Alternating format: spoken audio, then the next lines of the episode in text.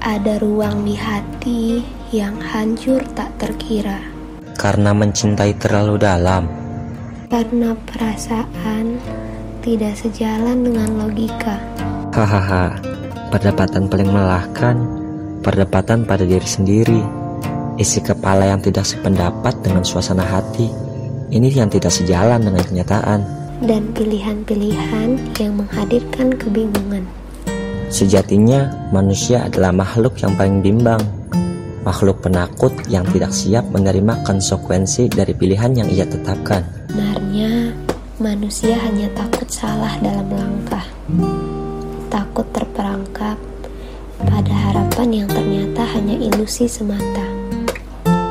Padahal dari sebuah kesalahan, kita bisa tumbuh menjadi dewasa. Cinta dan sejenisnya memang melelahkan. Ya, benar.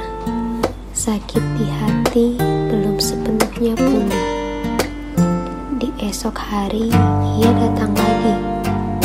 Terus bertambah tanpa menghilang. Menyerah tidak dijadikan pilihan, atau kebersamaan terlalu berat untuk ditiadakan. Entah kebersamaan kasih sayang yang masih terlalu besar untuk dimusnahkan.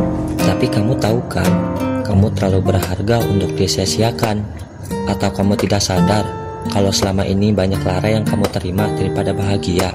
Bersama dengannya memang tidak selalu perihal tawa. Ada luka yang juga membuat hati patah.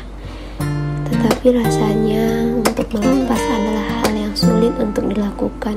Nanti, kalau kamu sudah lelah sama keadaan, dengan sendirinya kamu akan menyerah.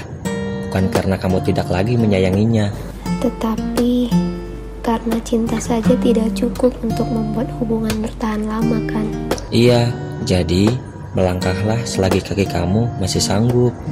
Mengerti alur cinta sama seperti mencari jalan keluar dari sebuah labirin.